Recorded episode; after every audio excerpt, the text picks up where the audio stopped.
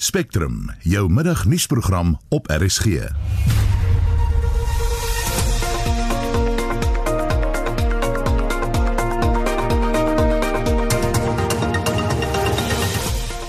vandag se program is Israel kry 'n nuwe vernoot, lof na president Ramaphosa se aankondiging dat maatskappye baie meer krag mag opwek. Die uh, private sektor het vir uh, die president gesê jy wil die ekonomie laat groei, ons wil die ekonomie laat groei op 'n manier moet ons nou konsensus kry oor wat belangrik is en energievoorsiening is belangrik. En die onderwysdepartement en rolspelers vergader nou oor die entstof onsekerheid. Welkom by Spectrum, die span is Wessel Pretorius, Evert Snyman en ek is Susan Paxton. Dis nou 4 minute oor 12 jy luister na Spectrum. Die onderwysvakbonde Naptosa en Suid-Afrikaanse Onderwysersunie of SAOI was maandag nog optimisties toe hulle met Spectrum gepraat het dat onderwysers dalk spoedig ingeënt sal kan word. Tot nou toe het die verwagte 500 000 dosisse Johnson & Johnson enstowwe nog nie opgedaag nie omdat dit nog nie deur die Amerikaanse Food and Drug Agency goedgekeur is nie. Ons praat nou weer met Naptosa se Basil Manuel en Chris Klopper van die SAOI. Goeiemôre Basil. Goeiemiddag Susan. Goeiemôre Chris. Goeiemôre Susan. Christoffel, aan die woord is skyn die lig nou al helderder. Wel op die oomblik is ons besig met 'n konsultasievergadering met die um, onderwysdepartement uit sopas begin. Die terugvoer van die waarnemende direkteur-generaal is is dat 'n uh, vlug is bespreek vir die dosisse en is die verwagting dat dit moontlik oor die dier, dis net maar oor die duur van die naweek in Suid-Afrika kan aankom en dat indien alles uitwerk dat 'n mens miskien volgende week kan begin kyk na uitrol van hierdie veldtog. Basil, jy het goeie moed gehad dat die enstowwe wel teen Woensdag toegedien kan word. Uh Susan ons kyk dit is verblydend om te sien dat voorbereidings deur al die provinsies getref word. Dit stoom nog voort. En dit was verseker dat indien die enstof nou sal kom, sal ons nie platvoet gevang word nie en ons hoop daarom nou dat uh, soos Chris gesê het die die enstof nou hier sal land hooplik oor die naweek en dan moet ons nou voortstoom maar ons ons ons hoop nog want uh, ek sal nou eers uh, uh, kan rus wanneer dit nou op ons eie uh, stuk grond geland het. Ehm um, maar sal julle vergader binne oomblikke met die departement wat verwag jy? Kyk on, ons is besig al met met die vergadering en wat Chris nou net van gepraat het is nou uit, uit kom kom direk uit daardie vergadering dat uh, ons ons nou hoop nou dat uh, kyk ons het hier transport die vlug is al klaar bespreek en ons hoop dat dit nou uh, dat die FDA vir ons die reg sal gee om dit nou te neem en dat dit hier sal aankom. Dis wat ons hoop en ons hoop dat dit nou vroeg in die naweek gebeur sodat maandag die hele uitrol kan begin Chris, julle reaksie op die EFF se dreigement dat hulle alle skole gaan dwing om te sluit eh, onder meer weens die gesloer met die toediening van die enstowwe aan onderwysers. Ons neem kennis daarvan, maar dit is belangrik dat 'n mens weet jy die die rasionaliteit van van van so 'n besluit in ag neem en dis altyd wat onderliggend is tot enige goeie besluit. Dit is is daar rasionaliteit, is dit objektief en het dit ten doel weet jy om 'n positiewe uitkoms te kry. In die afwesigheid van van 'n klinkklare plan van die EFF om te sê Ons identifiseer die volgende skole. Dit is nie 'n sogenaamde one size fits all benadering nie. Hierdie skole het krisisse. Ons dink dis die skole wat gesluit moet word. Hier is die statistiek van die getal kinders en die getal opvoeders wat geraak word. Hier is die probleme wat die gemeenskap ervaar. Ons dink die skool sal vir X aantal dae gesluit moet wees.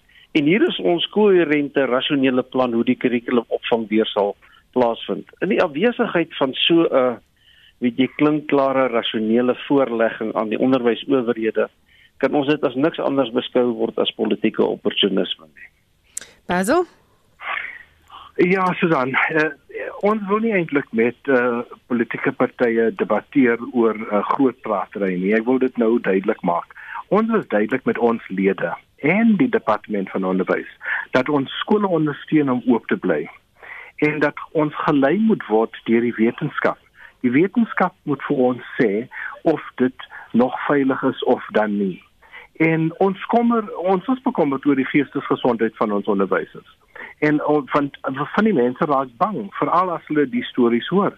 Maar ons kan nie reageer op op uh, goed wat gesê word wat nie gebaseer is op die wetenskap.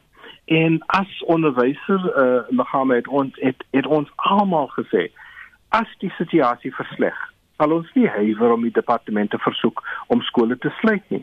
Maar ons is nie daar nie. En en die en die uh, wetenskaplikes sê tans nog vir ons, kyk, ons daar is nie 'n krisis nie. Ons moet werk en om te sien dat al die maatreëls toegepas word wat skole veilig kan hou. En dit is wat ons nou vir, vir al ons leerders sê. Baie dankie. Dit was dan eh, Basil Manuel van Maptosa en saam met hom gepraat Dr. Chris Klopper van die Suid-Afrikaanse Onderwysers Unie. Die lofstroom in na president Cyril Ramaphosa se aankondiging dat die beperking op maatskappye om krag op te wek verhoog word na 100 megawatt. Die president sê die regering prioritiseer die elektrisiteitskrisis en wil nie of wil die negatiewe impak op die ekonomie sodoende in die kiem smoor. Die hoop is dat skedule 2 van die wet op elektrisiteitsregulering gewysig gaan word, maar dit moet nog eh, die deur die energie reguleerder Nersa goedgekeur word. Politiek ontleder aan die Noordwes Universiteit se Sakeskool Dr Piet Kroukamp het aan Heinrich Weingart gesê dit is 'n duidelike aanduiding dat rolspelers se geduld opgeraak het, veral betreffende die voetsleepery oor die kwessie deur die minister van minerale hulpbronne Kwedi Mantashe.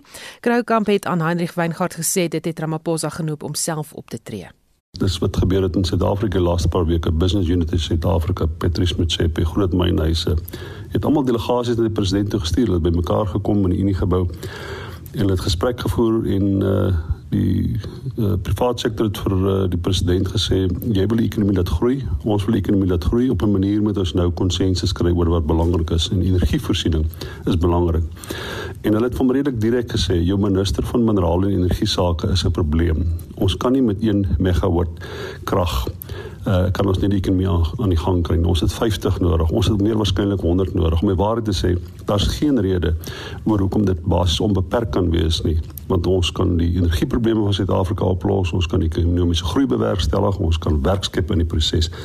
En dit baie gehelp dat in dieselfde week het Andre de Ruyter van die weet van tyd tot tyd geleide gemaak dat Eskom kan eenvoudig nie die mas opkom sonder uh, groen energie nie en sonder privaat sektor uh, energieregulering en ontwikkeling nie. En uiteindelik is die president se kop is geswaai. Ek dink nie dit baie vereis nie. Maar die belangrike ding is hy was bereid om na sy stormram, een van die sterkste ondersteuners wat hy in die uitvoerende gesag het, iemand wat hy baie baie nodig het, na die toe te gaan en te sê ons kan uh, ongelukkig nie verder aangaan uh soos wat dit nou is nie. Jy moet onmiddellik nou anders te dink daaroor en hy het vir hom gesê om daaroor te dink en Guerimentas uh, het geen keuse gehad nie. En dit was Dr Piet Kroukamp, 'n politieke ontleder van die Noordwes Universiteit se Sakeskool.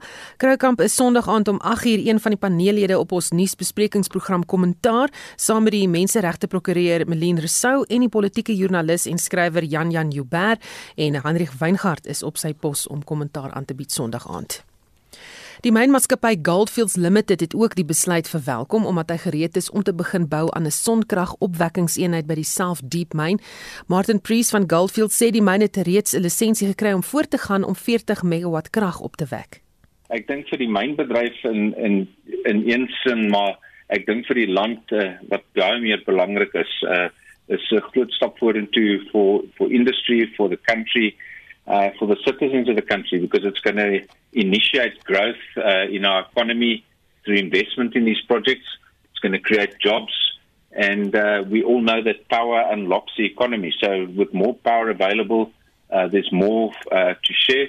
And I'm sure the, the frustration many people are feeling is in a few years time we're not going to have cold winters with load shedding. Julle is klaar gereed eintlik vir hierdie aankondiging gewees. Julle het 'n baie groot projek wat gaan begin hardloop. Vertel my daarvan.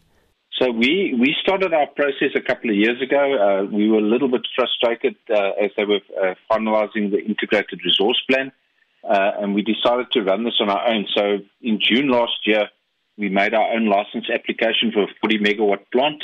We worked really well with uh, NERSA, the regulator, as well as with ESCOM to get their consent.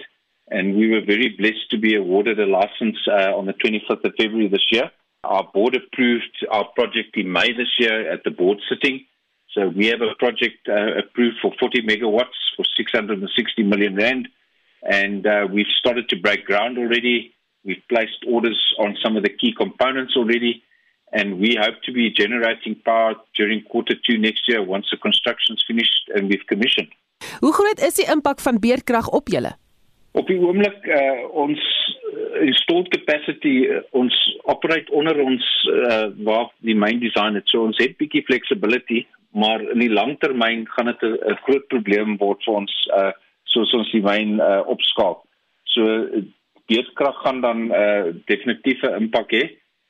But if you look at the broader Goldfield strategy, we've got four pillars to our, our energy sources, and that firstly, they must be reliable, they must be cost effective, they must be available, and then we obviously want to transition to green energy. So this project is much more load shedding or load curtailment in our case is a problem.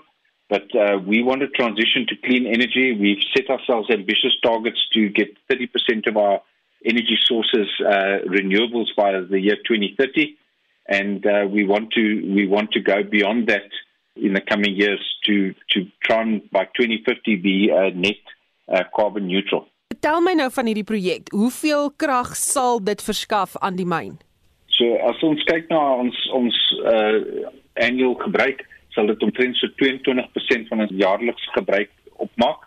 So it's it's it's a big portion of our costs. It takes out about 120 million rand a year in costs uh, in terms of our annual electricity costs, which obviously goes straight to the bottom line and uh, adds margin to our business. And I think the important thing linking to the carbon, this initial stage of this project will take 100,000 uh, tons of carbon per annum out of our emissions, which is also just over 20%. So it's it's a it's a big uh, big step for us.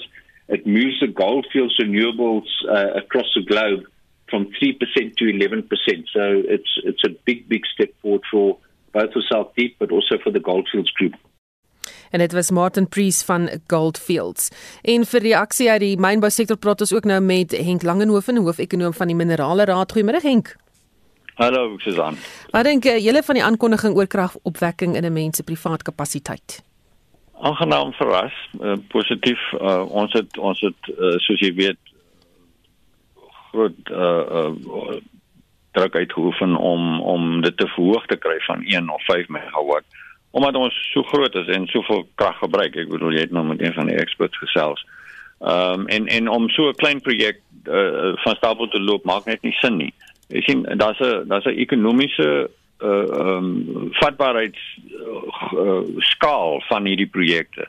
En uh en en en dit is ons probleem gewees tot nou toe. As dit te klein is, dan maak dit net nie sin ekonomies nie. In die kort termyn is ook nie oor die oor die periode wat jy die krag wil gebruik nie. Hoe groot is die impak van beerdkrag op die mynbousektor tot dusver? Weet jy snaaks genoeg nie so hoog nie. Uh wat Martin nou gesê het is waar wat wat die wat die ons uh ehm um, self doen is om is om self kragverbruik te verlaag. Ehm um, en is deel van die van wat hulle noem die demand response uh aksies wat ons loods. So dit is on, ver, uh, ontwrigtend want ehm um, jy jy kan nie teen vol stoom hardloop nie en en jy weet nooit wanneer die ding uh uh oorgaan na na na 'n fase wat jy wel moet uh, produksie dramaties inkort nie. So ek dink die onsekerheid rondom hierdie situasie van van uh of jy krag gaan hê of nie is die, is een van die belangrikste goed. Ongelukkig nie net vir die huidige situasie nie, maar ook vir die toekoms en dan net die aard van die saak wat hy nou van gepraat het, is die prys van die inset wat ons gebruik. Dit is besig om uh 20 24% van ons insetkoste te word. So ehm uh, dis baie belangrik dat uh, dat ons hierdie onsekerheid uit die weg ruim en dat diep en die aankondiging het het dink ek 'n groot bydrae gemaak tot dit om dit makliker te maak om die proses aan die gang te kry om hierdie probleem te probeer oplos. Is die mynbousektor gereed om die geleentheid aan te gryp? Absoluut. Uh, ons dink daar is iets soos 30 miljard se projekte in die pipeline wat wat of uh, en weg al in die in die goedkeuringsprosesse is of wat sal begin. Nou net om jou 'n konteks te gee daarvan, uh, verlede jare die die mynboubedryf uh, se vaste investering was in die omgewing van 95 miljard. 30 miljard is met ander woorde derde uh ekstra wat wat net vir jou idee gee van hoe groot dit eintlik is. Dit sal nie noodwendig ons eie geld wees nie, maar uh onafhanklike uh, produsente van elektrisiteit van wie ons dit sal koop en dan soos Martin nou verduidelik die voordeel wat dit dan het aan die een kant vir vir stabilisering van die van die beskikbaarheid, maar nie, aan die ander kant 'n baie belangrike ding is dat as jy 20 of 30% van jou elektrisiteit kan beheer en en die nuutste tegnologie kan elektrisiteit beskikbaar maak teen die helfte van die prys wat Eskom moet kan produseer. So jy kan net dink ehm um, hoe groot daai impak is en wat se uh, aansporing dit eintlik nou is om nou dat die hekkie een van die hekkies uit die pad het gevat is om so gous moontlik hierdie projekte van die grond af te kry. Wat kort die sektor nou om volstoom te kan voortgaan?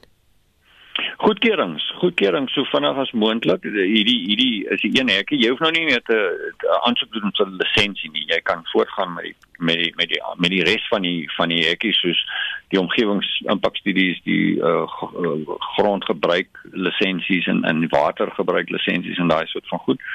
Ehm um, so dit behoort vinniger te vinniger te gaan.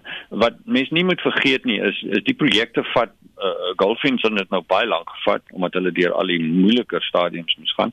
Maar ehm um, dit vat tussen 'n jaar en 'n jaar en 'n half vanaf die goedkeuring tot jy kan verwag om krag uit daai uh, projekte uit te kry. So uh dit help om die, om die, om om met 'n kickstart te gee soos ons so sê uh in in in die proses vinniger uh, op op die been te kry.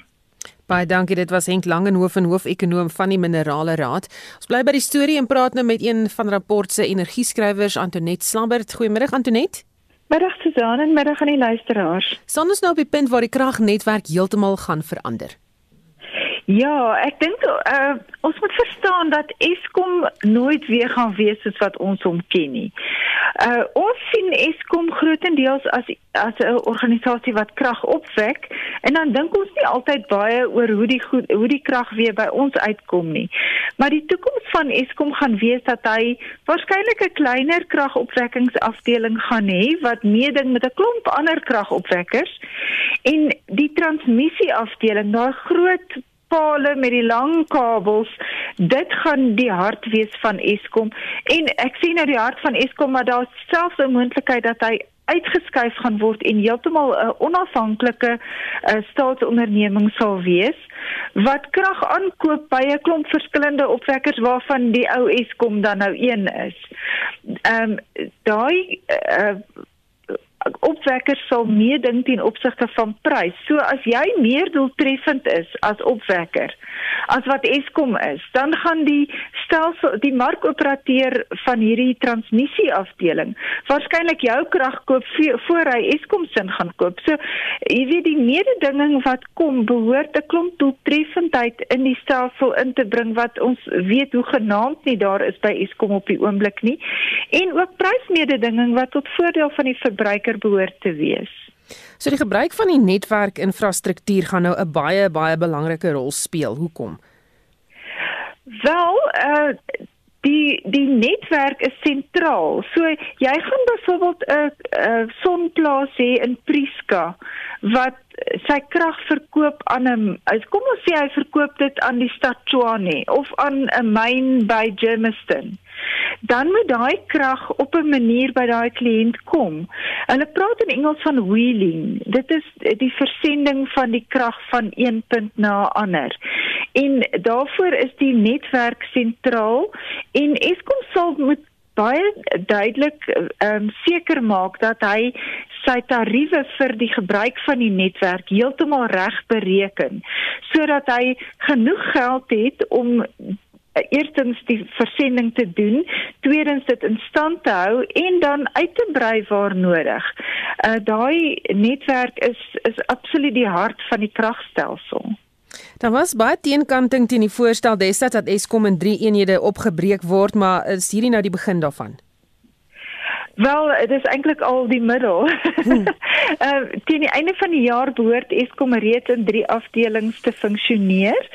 Uh finansiëel geskei wat personeel betref, hulle het reeds elkeen hulle eie uh, direksie, maar dit klink vir my asof daar uh 'n moontlikheid is dat die transmissieafdeling geheel en al verwyder word uit Eskom en dat hy selfs onder die departement van energie mag val eh, terwyl Eskom uh, resorteer onder die departement van openbare ondernemings.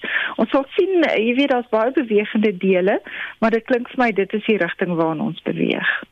Baie dankie, dit was een van rapport se energieskrywers Antonet Slabbert. Soos jy vroeër in die nuus gehoor het, het die minister van Openbare Ondernemings, Pravin Gordhan, aangekondig dat die Takatsu Konsortium die nuwe ekwiteitsvernoot van die Suid-Afrikaanse lugdiens is. Ingevolge die vennootskap sal 51% van die lugredery in die hande van die privaat sektor wees. Die konsortium sê sy mikpunt is om 'n ikoniese Suid-Afrikaanse beeld van die SAL te skep en die beste plaaslike talente lok. Gordhan het vroeër die aankondiging gemaak. The strategic equity partner is known as Takatsu, which is a consortium. And the word Takatsu in Sutu means aspire. And this consortium is 51% black owned. It brings together two very resourceful entities Harith, which is a funder, an infrastructure investor, and an airport owner, and Global Airways, which has uh, sufficient and interesting experience uh, in the airline industry. En dit was die minister van openbare ondernemings Pravin Gordhan. Tsepo Maglule, die mede-stigter en konsortiumvoorsitter van Takatsu Konsortium sê hy glo hulle is die geskikte kandidaate om SAL weer vlerke te gee. As owners of Lanseria International Airport, along with having significant investments in transport infrastructure and aviation sectors across the continent, we believe we have the expertise to transform South African Airways. We are proud to be part of this robust, exciting South African bred solution. We are excited to partner with the South African government to deliver a financially viable national airline that will no longer depend on taxpayers for its survival. We believe this is a win-win for all parties. En dit was Tsepo Maglule, die mede-stigter en konsortiumvoorsitter van Takatsu Konsortium. Ons praat nou verder hieroor met 'n lugvaart-ekonoom Dr. Joachim Vermoten. Goeiemôre Joachim. Hallo Susan en goeiemôre na luisteraars. Jou reaksie op hierdie aankondiging? Ja, dit is 'n uh, positiewe nuus. Dit is 'n eerste stap in 'n uh, hele paar strategiese oorwegings wat uh, uh, baie debatte uitgevoer het uh, in die laaste ruk. Uh die groot kern en beginsel is die aanvaarding deur die regering dat daar nie verdere fondse na Israel se bedrywighede uh verskaf sal word nie en dat uh, daar uh, tot en met die mate van 51% uh privaat sektor belegging gemaak kan word in die nasionale lugdiens. Uh daar is baie dinge wat uh, uitgeklaar moet word en ons wag inspanning om te sien wat die uiteindelike uh, samestelling van uh, die transaksie sal wees uh, en hoe dit bestuur en bedryf sal word. Weet ons wie die Takatsu konsortium is? Uh, dit is 'n konsortium van Harris uh, in uh, Global Airways. Uh, nou uh, Harris het 'n uh, redelike mate van befondsing van die PIC wat dit ondersteun in Global Airways is 'n gesoute uh lugdiensbedryf uh, spesialis uh wat betrokke is ook in lift. Hmm. Daar was groot spekulasie oor of die regering sy meerderheidsaandeel sou afstaan. Dit het toe inderdaad gebeur soos gesê het, maar het die regering 'n keuse gehad hierin? Wel, hulle het uh, definitief nog verdere befondsing nodig en uh jy weet eh, daar is 'n onwilligheid by belastingbetalers om verdere fondse te verskaf. Uh so die whole posisie uit is om eintlik verder te gaan met uh privaat finansiering en hulle het nou daarin geslaag om ten minste belangstelling te kweek in so 'n moontlikheid. Impak op die werknemers en selfs die staatsinkomste, uh, jy weet wat betref die oor, ooreenkomste? Wel, impak op werknemers, die uh, werknemers hopelik almal nou uh daarom uh, befonds word. Uh, daar is baie werknemers wat sê dat Maart 2020 nie befonds is nie en wat nie salarisse verdien het nie. En ek hoop dat uh, hierdie selfe geleentheid wees vir daai werknemers om daarom hulle salarisse te verdien wat hulle opgerig is. Lê dan nou opdraande paadjie voor vir Takatsu.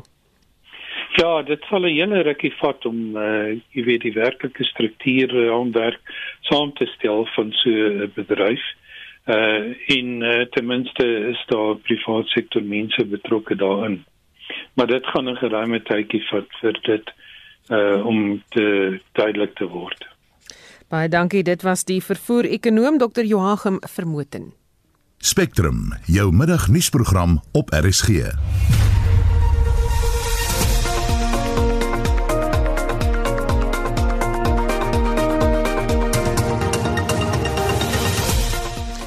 1228 en hoofnuus in Spectrum SAL kry 'n nuwe vernoot, lof na president Ramaphosa se aankondiging dat maatskappye baie meer krag mag opwek.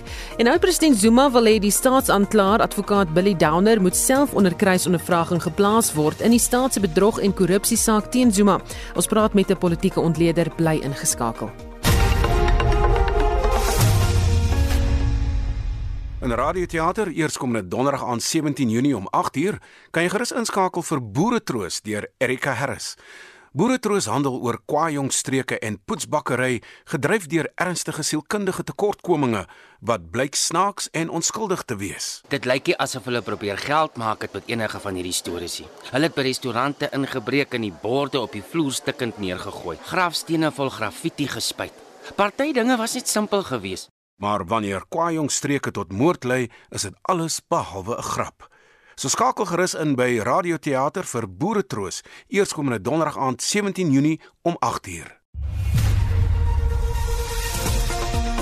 Sondag aand op kommentaar help ons span ontleeders, kundiges en senior joernaliste jou om sin te maak van die week se belangrikste nuusgebeure.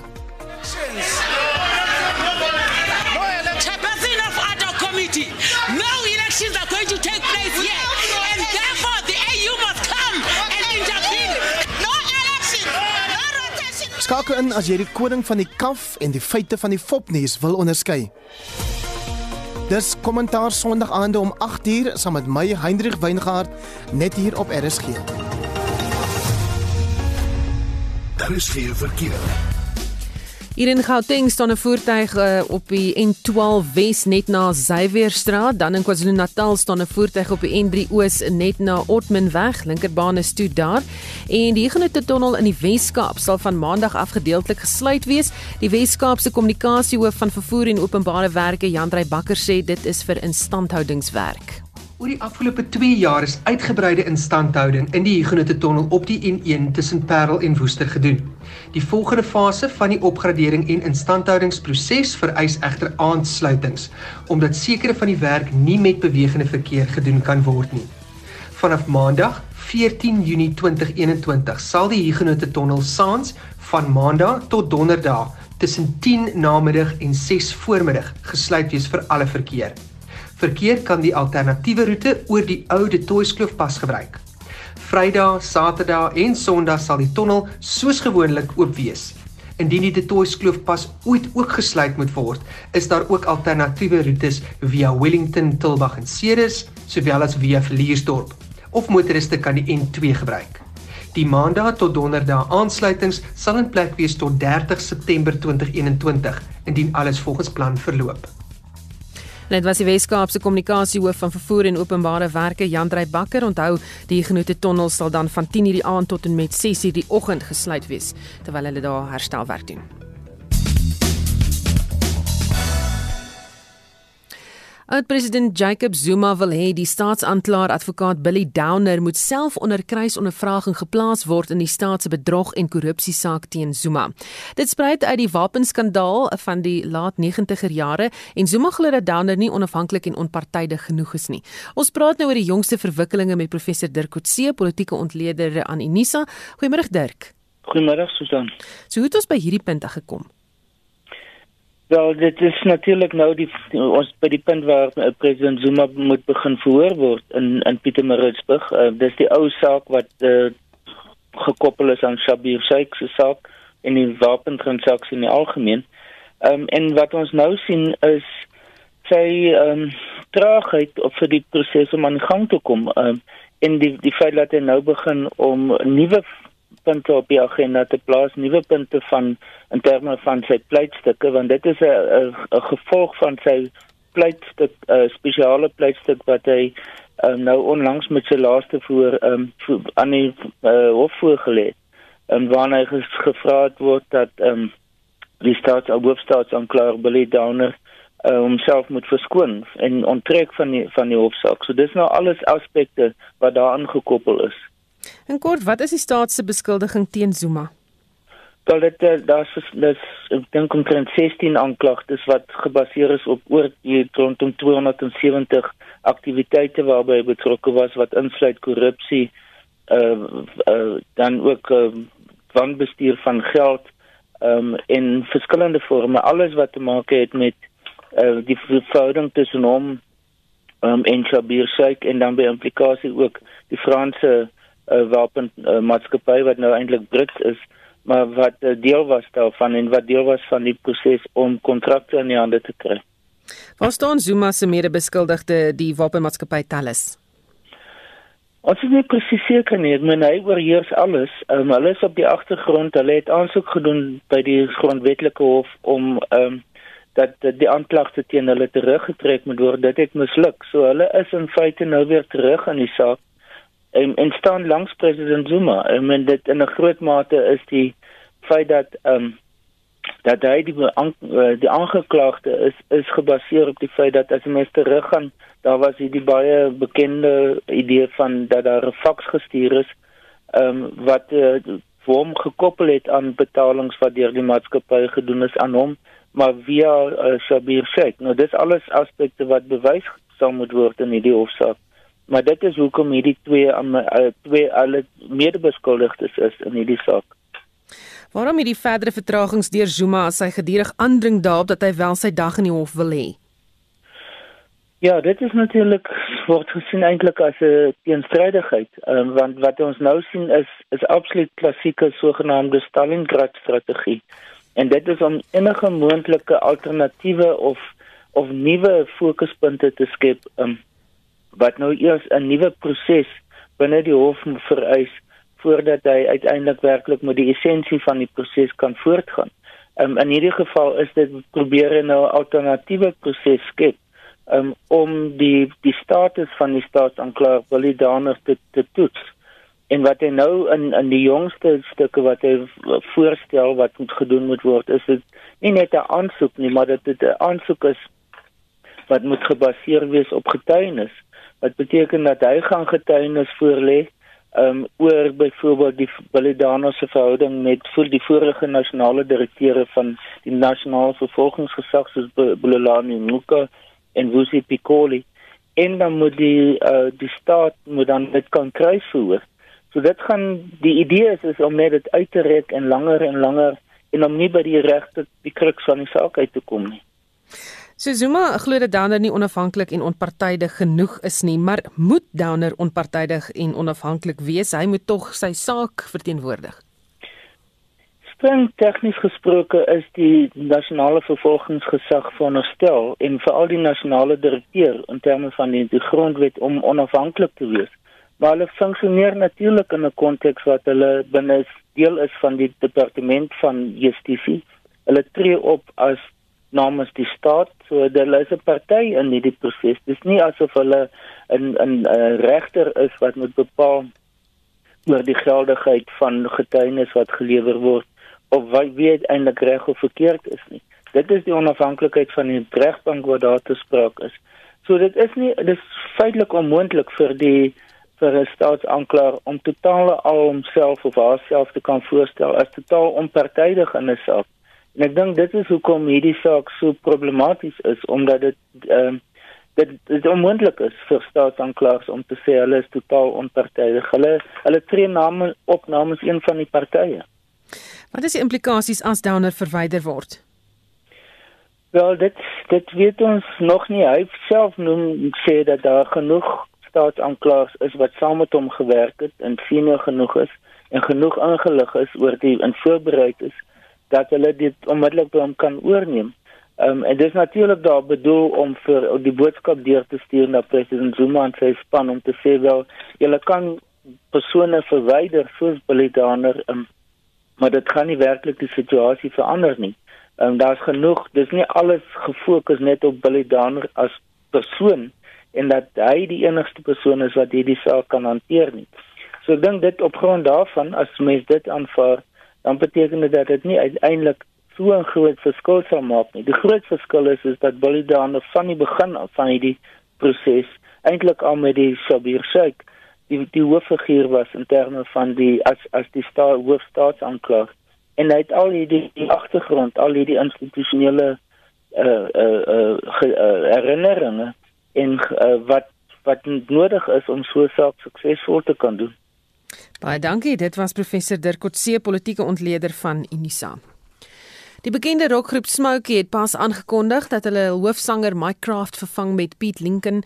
Lincoln was onder meer die hoofsanger van The Sweet en was ook agtergrondsanger vir Sir Cliff Richard.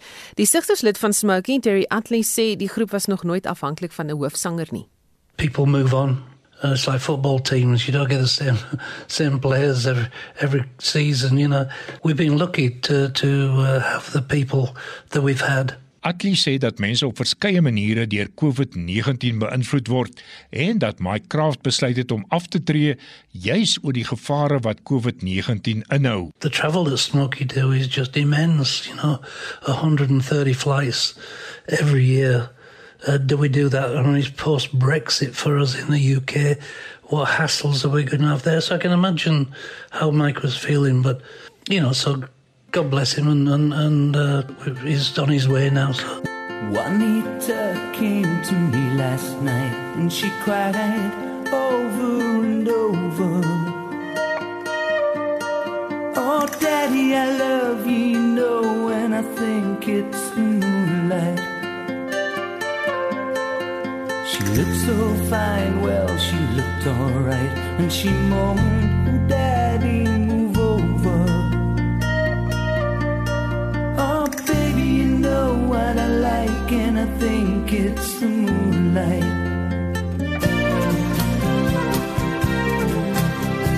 Made in Mexico, school in France, ooh la love, and she needed no teaching.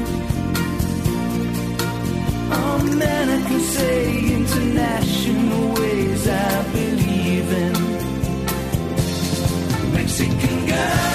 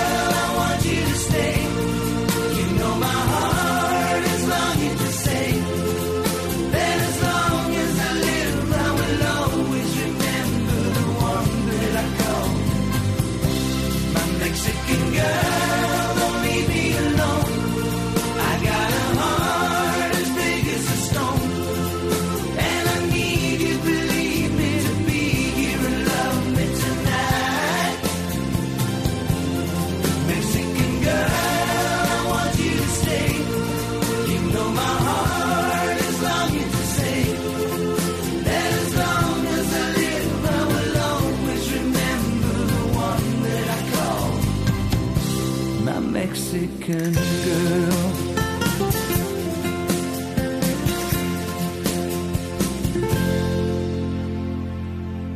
Smokey met Mexican Girl en die groep tree ook in Oktober hier in Suid-Afrika op en Frans Swart het vir ons gehelp om die klank te kry. Wat sportnuus betref, is dit halfeindstryd dag vir die mans op Roland Garros by die Franse Ope tennis toernooi. Dit skop egter eers om 3 uur af. Intussen net Pieter van der Berg die jongste golf en cricket tellings. Goeiemôre Pieter. Middag sê Susan, ja, kom ons eh, begin daar by die tennis en miskien moet ons net dit gaan haal by gister se halfeindwedstryde wat die vroue enkelspel dan betref en dit is uh, die twee wedstryde wat uh, gewen is deur die eerste ene deur Barbora Krejcikova en sy het vir Maria Sakkari geklop in drie stalle 'n uh, uiters lang wedstryd langer as 3 ure 7-5 4-6 en 9-7 en dan het Anastasia Povsenkova het sy oorwinning oor Tamara Sandansek behaal die telling daar 7-5 en 6-3. So ons het dan net gaan loer na die uh, res van die tennis dit's dan uh, Krejcikova van Tsjechië wat 25 jaar oud is. Sy sal dan in die eindstryd môre speel teen die 29-jarige ouer Rus en dit is uh, Pavlyuchenkova wat die mans aan betref het verwys daarna Susan die twee halfeindwedstryde. Ja ek dink daar's baie tennisondersteuners wat daarna uitgesien het die afgelope uh, byna wel 2,5 weke wat die toernooi al duur sedert die uh, kwalifikasie begin het die 50 keer die Stefanos Tsitsipas. Hy sal net voor 3 uur vanmiddag op die baan stap teen die 60 keer die Alexander Zverev. Dan later vandag, daardie wedstryd sal nie voor half 6 Suid-Afrikaanse tyd begin nie. Is dit die eerste keer die Novak Djokovic, hy kom te staan teen die 30 keer die Rafael Nadal en uh, Rafael jaag sy 14de titel in Parys. Dit is dan wat die tennis aan betref. Ons kan dalk ook net gaan loer kortliks na die ander wedstryde. Dit is die halfeindwedstryde van die vroue dubbelspel wat ook vandag beslis word en dit begin so oor 20 minute van nou die eerste wedstryd, Linet en Pera wat speel teen Krejcikova en Siniakova en dan hulle is tweede gekeer en dan later vanmiddag die 14de gekeerde Matic Sands en Swiatek wat te staan kom teen Bengu en Pandoroska. Gepraat van ander sporte wat op die oomblik aan die gang is, kom ons beweeg na die golfbaan. Dis die baie interessante toernooi daar in Skandinawië. Dit is die gemengde toernooi wat gespeel word en ja, onder die eerste uh, 10, 11, nee, 10 spelers op die voorlopersbord is daar net 4 mans name. Een van hulle, Suid-Afrikaanse Darren Figart. As jy vir my sê net een of net 4 mans name, ja, die vroue en die mans speel saam in hierdie toernooi. 78 mans 78 vroue en hulle ding mee om 1 miljoen euro. Dit is Caroline Hedwall wat die voorloper is van Swede. Sy staan op 1300 syfer. Sy het daar 'n tweede ronde voltooi in 64. Joost Luiten Hy is daar uh, op 12 onder, is hy in die tweede plek en dan is daar uh, onder meer Baia Panek, Sarina Schmidt, ehm um, as ook Darren Figart wat op 10 onder gesamentlik nou in die derde plek is. Olivia Cowan, sy is saam met Alice Houston daar op 'n 900 syfer. Dan wat die toernooi in Amerika betref, dit is die Palmetto Kampioenskap wat in Richland gespeel word en uh, die eerste ronde is laas nag Suid-Afrikaanse tyd voltooi. Uh, Wes Roush, hy is die voorloper op 700 syfer en daar is vier spelers op 600 wat insluit Dustin Johnson en Suid-Afrikaanse eie Erik van. En op die oomblik is dit 'n uh, Engeland wat uh, golf hier in hulle eerste beurt die tweede dag het so uh, 40 minute gelede, 45 minute gelede begin en Engeland staan nou op 303 vir die verlies van 9. Ja, hulle het hulle weer kom voortsit op 258 vir 7 en dit beteken hulle het al so 55 lopies by, nee, 45 lopies bygevoeg by hulle oornagtelling. So hulle staan op 303 vir 9 voor die paaltjies op die oomblik is dit Dan Lawrence nie uit nie met 81 en James Anderson met 4. So daar's net een paaltjie wat New Zealand nodig het om dan vir Engeland te, terug te hê uh, as veldwerkspan op die veld en dan kan hulle gaan kolf dis nou die Nieu-Seelanders. Dan natuurlik is Suid-Afrika ook in aksie teen die Wes-Indiese eilande Dit is die eerste toets wat daar begin het 4 uur Suid-Afrikaanse tyd gistermiddag en uh, die Wes die Wes-Indiese eilande, die Windies, hulle sommer vinnig uitgeknikker vir net 97 en uh, die bowlers wat daar baie goed gevaar het is uh, natuurlik uh, Suid-Afrikaanse eie Norkee. Hy het kom ons beloon net vanaf daar vier balkies, ander het Norkee vier balkies gekry en Lugi Ngidi, hy het vyf balkies ingeoes in daardie beurt van die Wes-Indiese eilande. Suid-Afrika het die dag gaan afsluit op 128 vir 4 en dit gee vir hulle dan 'n voorsprong van 31 lopies met nog 6 paaltjies staande. Rassie van der Dussen sal voorkom kom op 34 en Quentin de Kok, hy is op 4 lopies nie uit nie. Hy sal dan ook die beurt kom voortsit. Dit is dan die jongste uh, golf en cricketnuus en ons sien uit na vanmiddag se halfeindwedstryde wat die tennis aan betref. Susan, daarmee terug na jou in die ateljee in Johannesburg. Baie dankie, dit was Pieter van der Berg van RSG Sport. Die land is amptelik in die derde golf van die COVID-19 pandemie. Die aankondiging is gemaak deur die Instituut vir Oordraagbare Siektes nadat dit aan die lig gekom het dat daar 9149 infeksies aangemeld is in die afgelope 24 uur. Die meerderheid van die gevalle, 5597, is in Gauteng aangemeld. Professor Salim Abdul Karim, 'n epidemioloog en lid van die Wêreldgesondheidsorganisasie se inentingskomitee, waarsku dat die statistiek in werklikheid amper 2 weke oud is en dat ons lankal reeds in 'n derde golf is. In reality, we've been in the third wave for quite a while. Even though technically we haven't met a particular threshold, the reality is that several of our provinces are in the third wave. The country as a whole is in the third wave. The cases are rising across the country. As epidemiologists, we don't look at just today's cases, we look at a seven day moving average. And a seven day moving average of five and a half thousand cases that's concerning because it means those infections occurred about 10 to 14 days ago. If we're saying there are 9,000 cases today, those 9,000 infections already occurred somewhere between a week and two weeks ago. En dit was professor Salim Abdul Karim, epidemioloog en lid van die Wêreldgesondheidsorganisasie se inentingskomitee. Die Weskaap het intussen gister bevestig dat die derde golf die provinsie getref het. Die departement van gesondheid in die provinsie het ook meer duidelikheid geskep oor die vordering van die inentingsproses. Winston Mofokeng het meer. Die hoof van die provinsiale gesondheidsdepartement, Dr Keith Kloete, sê meer as 400 gevalle word daagliks aangeteken. Kloete sê die regering moet nog toestemming kry om die Johnson & Johnson entstof te gebruik. Hy sê die aflewering van entstowwe is besig om op te hoop en dit plaas druk op die stelsel. Kloete sê ongeveer 160 000 mense is tot dusver in die provinsie ingeënt. Dit strook met hulle teikens. what we've been able to do on a daily basis has now put us in a store to say the available doses we have is actually just about enough doses to titrate how many vaccines we can do per day for the following five or six working days. That's where the supply is. It's very tight. We have the supply, and now we have to say we only have enough doses to do X amount of vaccinations. Die Wes-Kaapse premier, Allan Windey, het ook sy kommer uitgespreek oor die vertragings in afleweringe van die Johnson & Johnson entstowwe. and we've built the vaccine sites and the and the model on getting vaccines into arms efficiently and effectively in this province. We've built it on this predictive supply line, but of course the Johnson and Johnson uh, vaccines that are now piling up because those vaccine delivery dates are now piling up one on top of each other. Uh, it really is starting to put uh, pressure on the system, and we really do need to see an urgent uh, outcome of the FDA and the USA on whether whether we can actually go ahead with uh, the vaccine uh, rollout of Johnson and Johnson. Uh, but of course, that is also putting pressure on our system. Volgens die provinsie neem die registrasie van inentings van mense ouer as 60 daagliks toe. Byna 50% van mense het reeds geregistreer. Die verslag van Mlamli Maneli. Ek is Vincent Mufokeng vir SAIK nuus.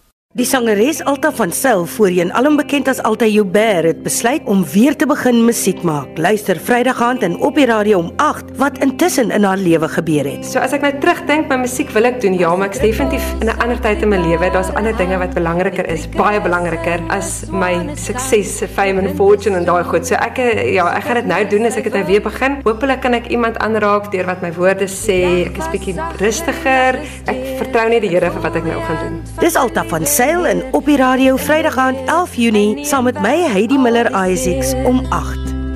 Dan wil ek dans tot die môre my kom haal. Wil ek dans? Ag gaan ek soms verdwaal al voel ek broos en weerloos. Nogtans wil ek dans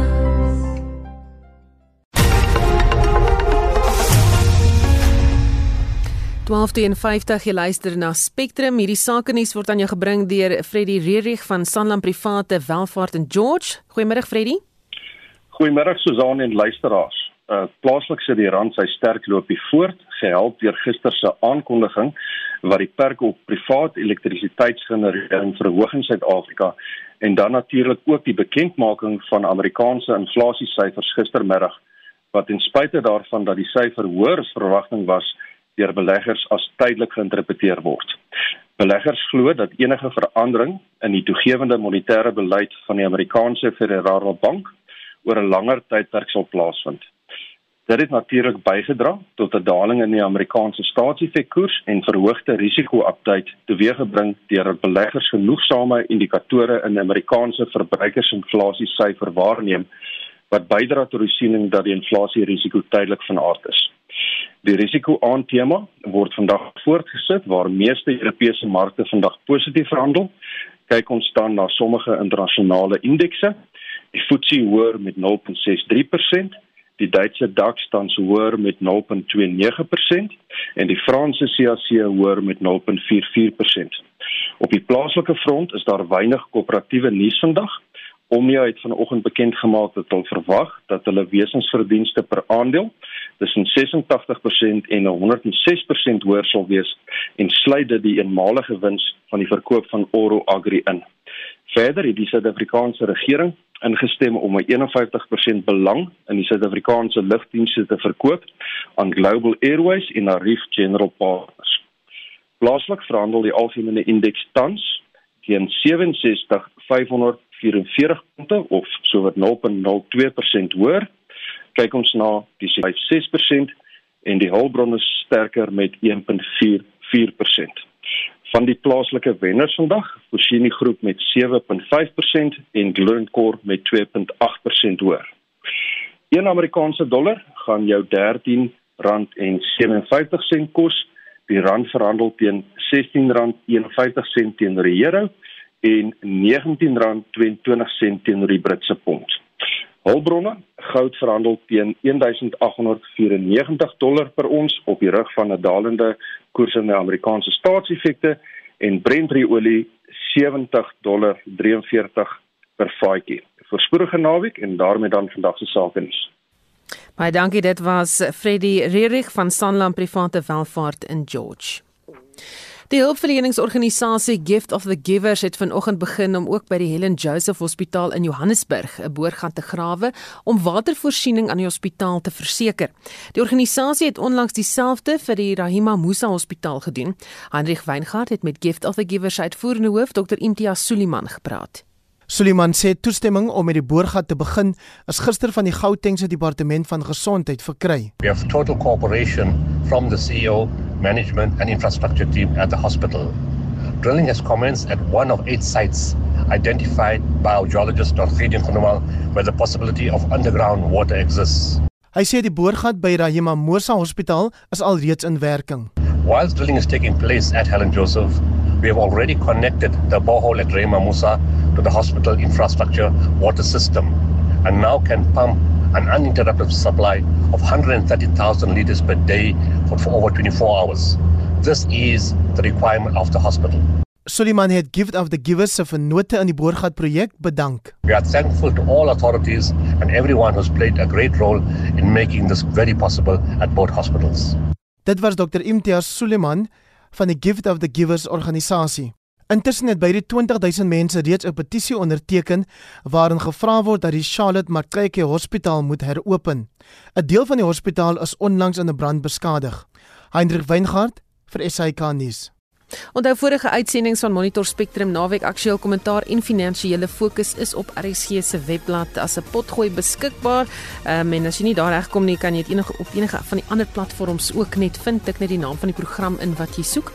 Redakteur en ons waarnemende uitvoerende regisseur vandag was Wessel Pretorius, ons tegniese regisseur Evert Snyman. My naam was Susan Paxton of is Susan Paxton. Geniet jou naweek. Onafhanklik, onpartydig.